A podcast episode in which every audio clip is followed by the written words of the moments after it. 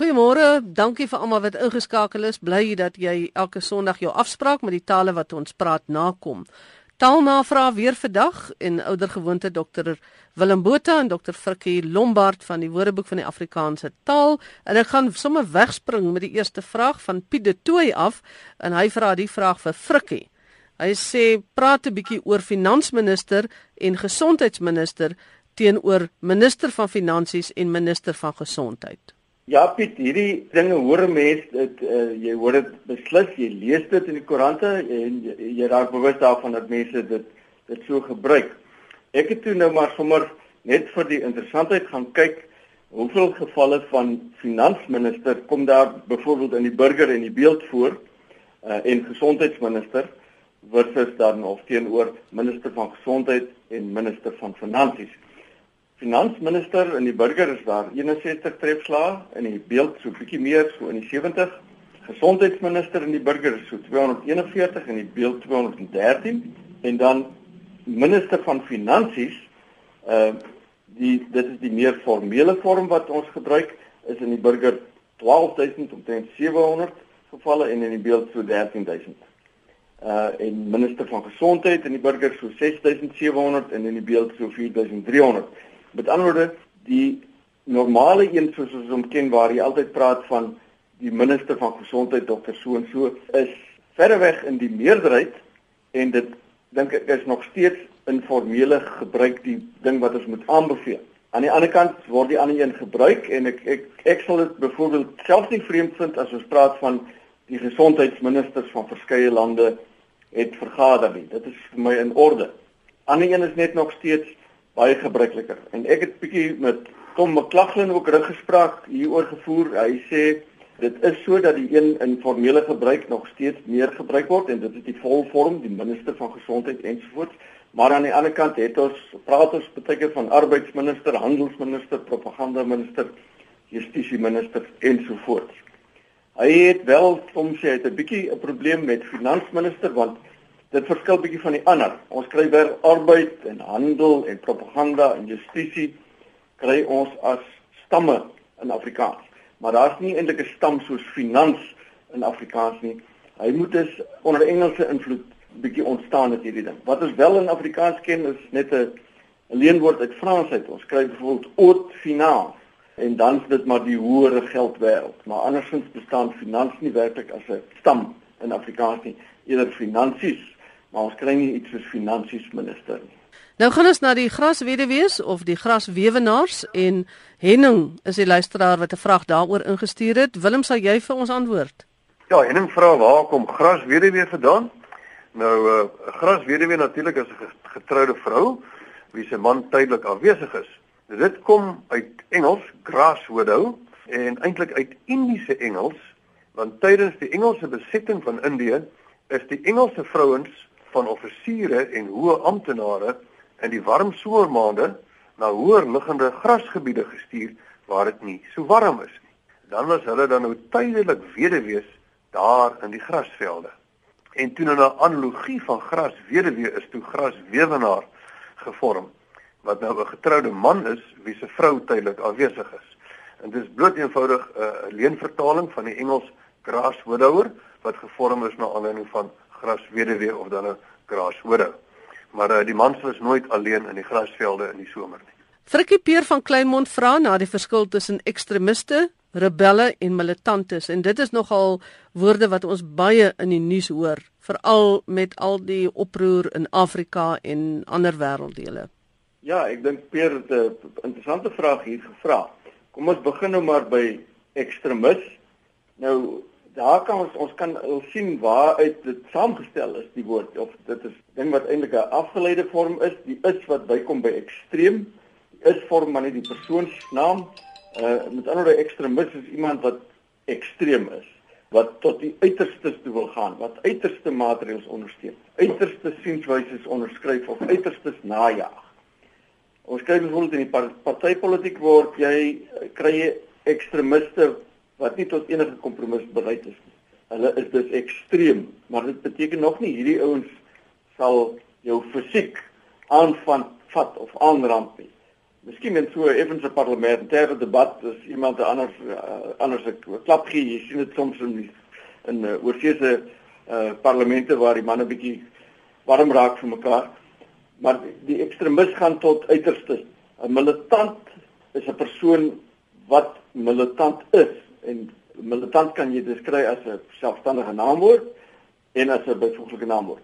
Nou as iemand militant is, dan is so 'n persoon aggressief, strydlustig of uitdagend ook, maar veral aggressief en strydlustig veral ter wille van 'n bepaalde saak. Jy kry byvoorbeeld militante politieke partye, vakbonde, vryheidsorganisasies, selfs uh, militante uh, feministiese beweging of so iets. En 'n ongewone betekenis vir militant is veglustig of oorlogsugtig. Militant, as jy militant is, is jy aggressief en strydlustig. Maar die een wat uitstaan hier is 'n rebel. Want 'n rebel neem aktief dikwels die wapen op.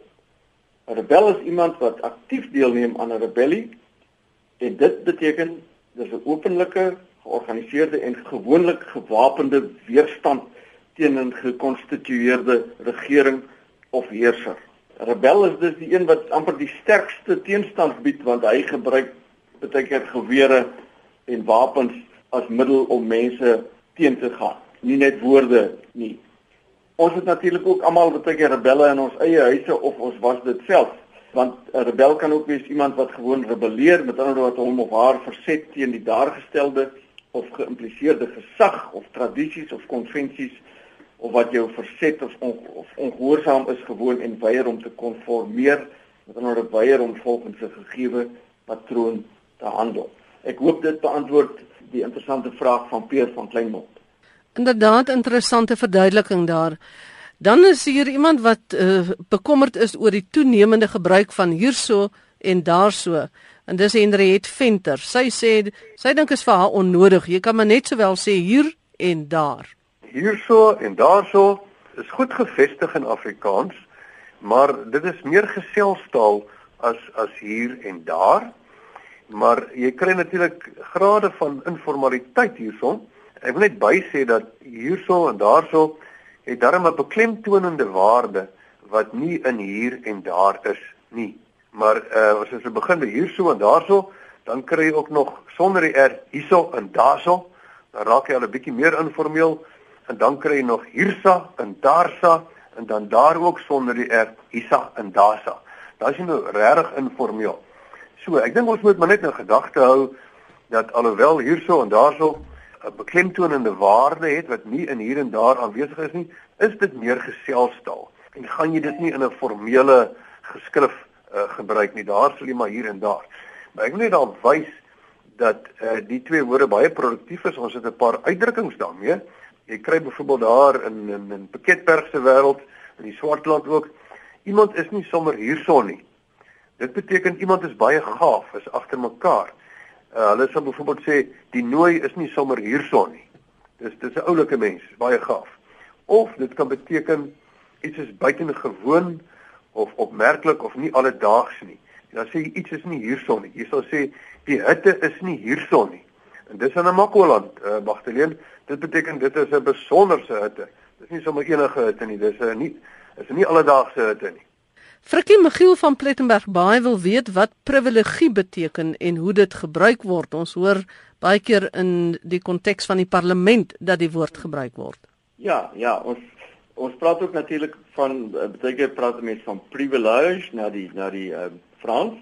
Dit het ook inderdaad uit oud Frans uit uh, kry ons dit via Latyn privilegium wat beteken 'n besondere verordening of 'n besondere voorreg die een regswoordeboek wat ek ook hieroor geraadpleeg het van Smits en Smits sê dit is 'n besondere reg aan 'n persoon of groep verleen.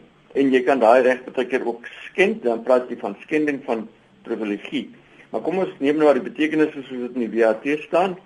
Dit kan wees enigiets van verskeie formele regte wat 'n individu verleen word, veral dan die reg tot vertroulikheid van inligting wat onder sekere omstandighede uitgeruil word soos tussen 'n regsgeleerde en sy kliënt. Jy kan dus privilegie toestaan of verleen aan iemand. Dan kry jy ook dat dit die regte of voorregte kan wees van 'n bepaalde groep mense, gewoonlik word dit aan hulle verleen op grond van hulle status of hulle rykdom en dikwels word dit dan deur 'n 'n heerser of regering beskerm. Maar dit is iets wat meer in die geskiedenis voorkom. Ek dink hy hy raak al hoe meer histories hierdie betekenisonderskeiding van privilegie. Dan is dit ook die reg, soos jy gesê het, net om magteleen van die parlement van wetgewers tot bepaalde voorregte of spesiale behandeling en dit word gewoonlik volgens wet bekragtig. Byvoorbeeld iets wat jy in die parlement kan sê, jy's vry om dit te doen, dis 'n privilegie. Maar as jy dit buite die parlement sou doen, kan dit dalk lasterlik wees maar omdat jy dit in die parlement gesê het en jy daardie vryheid het, min of meer daardie privilegie het, word jy nie daarvoor vervolg nie. Die laaste betekenis is dan ook die reg van die pers om sonder die moontlikheid van vervolging oor dit wat in die parlement gesê word te berig. Uh die privilegie van die pers is om straffeloos te rapporteer wat in die parlement gesê word, maar dit is soos ons weet in sekere lande soos in Pakistan onder andere is daardie reg opgehef. Goed, die volgende vraag is oor afkortings en dit is ook iets waarmee mense baie sukkel. Hulle vra hoe spreek jy Engelse afkortings uit? As jy nou woorde kry soos byvoorbeeld ANC en FBI en CIA en EFF, en so kan 'n mens nou aangaan. Wanneer spreek jy dit in Afrikaans uit? Wanneer spreek jy dit in Engels uit? En Willem, gaan jy vir ons help asseblief? Ja, ehm um, ons noem hierdie die sogenaamde letternaamwoorde jy spreek die letters uit van die afkorting. Jy sal nie asseblief uitspreek en sê gee vir my A is B die water aan nie, maar in hierdie gevalle doen ons dit wel. Nou ek dink ons moet hulle in kategorieë verdeel want dit dit, dit lyk vir my daar's as 'n paar klasse van hierdie letternaamwoorde. So kom ons kyk eers byvoorbeeld na politieke partye in Suid-Afrika. Iets soos die African National Congress is in Engels gespel A N C. En ons hou dit net so. Ons praat in Afrikaans van die ANC. Ons praat nie van die ANC nie. En ek dink dit is maar die beginsel wat ons moet konsekwent deurtrek. Net so is daar nou die Economic Freedom Front, die nuwe politieke party. So daar sou ek sê moet ons dan nou praat van die EFF. Uh, in Afrikaans uitgespreek EFF. Soms uh, gebeur daar iets baie interessants. Die Inkatha Freedom Party het uh, vertaling gekry en ek dink nie hulle het dit self vertaal nie. Ek dink destyds het die koerante besluit maar hulle gaan dit die Inkatha Vryheidsparty noem. So hy is definitief die IFP in Afrikaans. En dan die DA is ook 'n interessante geval want hy het dit DA kan staan vir Demokratiese Alliansie of vir Democratic Alliance. Maar in daai geval praat ons dan van die DA en ek veronderstel ons bedoel die demokratiese alliansie maar dit kan ook wees dat jy verwys na die democratic alliance. So dit lyk vir my by politieke partye in Suid-Afrika daardie letternaamwoorde spreek jy op Afrikaans uit. Dieselfde byvoorbeeld met UDM die United Democratic Front of ja, movement UDM, movement nie UDM nie UDM maar die maar die party bly uh, by die Engels United Demo Democratic hmm. wat movement movement Die volledige naam bly Engels soos wat dit oorspronklik is, maar die afkorting kan in Afrikaans uitgespreek word of word vir Afrikaans. Dit is wat ek dink uh konsekwent sou wees en wat ek ook al gehoor het. Ek dink dit is die wat jy wat jy mees konstante uh, verskynsel wat jy kry. Nou wat maak 'n mens dan nou met goed soos FBI en CIA? Goed, ek kom ek gaan heel laaste daarby kom. Maar my volgende kategorie is internasionale organisasies. En nou hier lyk dit vir my vertaal ons die bewoording en ons skep 'n nuwe Afrikaanse afkorting. Wat praat nou van wêreldliggame soos United Nations. United Nations het ons jare gelede VVO gemaak, die Verenigde Volkere Organisasie. En toe het ons dit nou so 10 jaar of 15 jaar gelede vrik, ek weet nie maar dis so maar 10 jaar gelede het ons dit verander na Verenigde Nasies, die VN. So nou praat ons van die VN want dit staan vir 'n Afrikaanse bewoording Verenigde Nasies. Net so is daar NATO wat staan vir North Atlantic Treaty Organization. Dit het ons 'n Afrikaanse bewoording gegee. Nou is ons by 'n akroniem, 'n letterklankwoord. Ons maak van NATO NAVO, en NAVO staan vir Noord-Atlantiese Verdragsorganisasie. So daar het ons hom heeltemal vir Afrikaans. Dis dis maklik. Hoekom dit so is, weet ek nie, maar let op, dit is by die internasionale, die wêreldorganisasies maak ons ons eie woord. Dan kom ons by afkortings wat in ander lande gebruik word, maar wat ook 'n wyeer bekendheid het, maar hulle het betrekking net op 'n organisasie binne daai spesifieke land. So byvoorbeeld is daar die BBC wat staan vir die British Broadcasting Company. Nou die interessante ding hier is as jy gaan kyk in jou vertalende woordeboeke, Engels, Afrikaans, Afrikaans, Engels, dan sien jy sien dat ons dit vertaal die bewoording en sê die Britse uitsaai koöperasie. Maar die afkorting bly BBC. En daarom dink ek moet ons dan nou dit ook in Afrikaans uitspreek BBC. Dan kom ons by jou vraag, die FBI, dit staan vir die Federal Bureau of Investigation. Gaan kyk in 'n vertalende woordeboek, dit word vertaal as Amerikaanse Federale Speurdiens, maar die afkorting bly FBI. Uh dieselfde gebeur met CIA, Central Intelligence Agency. Dit word Amerikaanse intelligensiediens, maar dit bly CIA. So my gevoel is en 'n bietjie navraag wat ek gedoen het dat in al hierdie gevalle spreek ons dit as Afrikaanse letters uit. sien ek is doodseker dat in Engeland as die BBC nou iets uitsaai en hulle praat van die AWB dan gaan hulle nie sê AWB nie, hulle gaan sê AWB vir die Afrikaanse weerstandsbeweging. So, ek dink ons heeltemal binne ons taal tradisie, die algemene taal tradisie om dit te vir Afrikaans. Dit is soos die South African uh, Broadcasting Corporation is ABC, maar spreek dit in Afrikaans uit. Presies. Frikkie Gerda Pretoria wil hê dat ons praat oor humor en melankolie. Ja, dit is heel interessant waar die dinge vandaan kom. Humor soos ons vandag daaroor praat, bedoel eintlik luimigheid. Ons praat van in erns en in luim en as jy in luim is of luimigheid, dan dan is daar goeie humor by betrokke. Die lewe is nie so ernstig of moeilik of so nie, maar eerder bietjie snaaks daar. Nou, die ouer fisiologie so 130 voor 200 uh, na Christus was daar 'n man met die naam van Galenus en hy het gepraat van lewenssappe, die sogenaamde humores. Die lewenssappe of die hoofliggaamsvloeistowwe wat die mens het of 'n lewende wese het. En dit was dan nou bloed, slijm, keelgal en swartgal.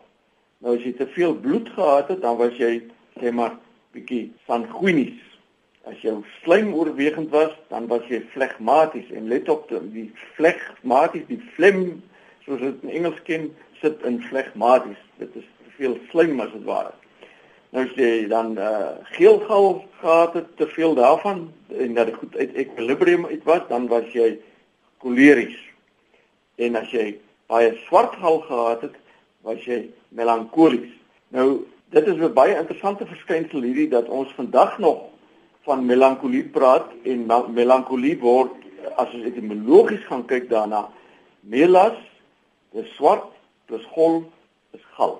Met ander woorde as jy melankolies is, is jy per se etimologies gesproke is jy swartgallig. En ek sou reken die die ontwikkeling waar humor nou gesien word as wel luimigheid het gekom wanneer daardie lewenssappe of lewensvloeistowwe so in so mate met mekaar vermeng was, jy weet dat jy die lewe nie te ernstig opgeneem het nie, dat jy nie te flegmaties was nie, dat jy nie te opvleend was of of sanguinies was nie, eh, nie te melankolies nie, maar dat jy daarom die snaaks in die lewe kon sien en iets daarvan kon maak. Goed, is tyd vir ons om af te sluit, maar ek dink ons het nog een vraag wat ons kan hanteer.